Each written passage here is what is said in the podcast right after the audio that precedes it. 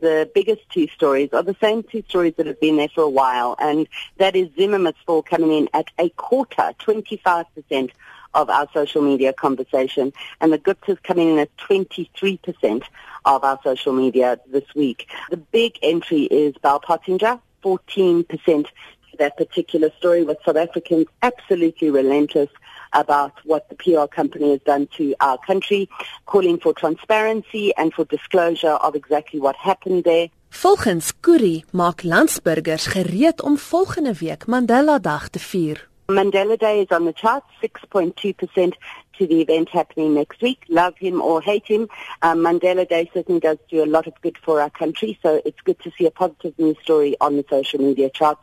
The public protector stormed into the social media charts in the past seven days, 8.4% there, and that's largely to, due to her admitting that she made a typo in relation to the South African Reserve Bank story. Social media certainly not buying that particular excuse.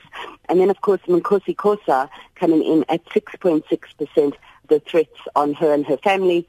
Uh, making the focus of social media and of course Pravin Gordhan stating unequivocally that she'd be allowed to vote against President Jacob Zuma if that is how she feels, 3.8% to him. So combined, that particular story makes up a good 10% of our social media conversation.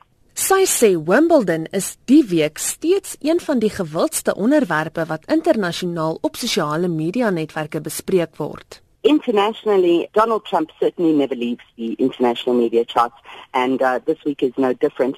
This time for different reasons, though. Trump Jr. is a massive chunk of the international news media pie, 16% to Trump Jr., and that's due to him putting on social media the conversation with Russia about the elections. Um, I mean, if ever there was any question, he certainly put that to bed. So that was one of the biggest entries this week.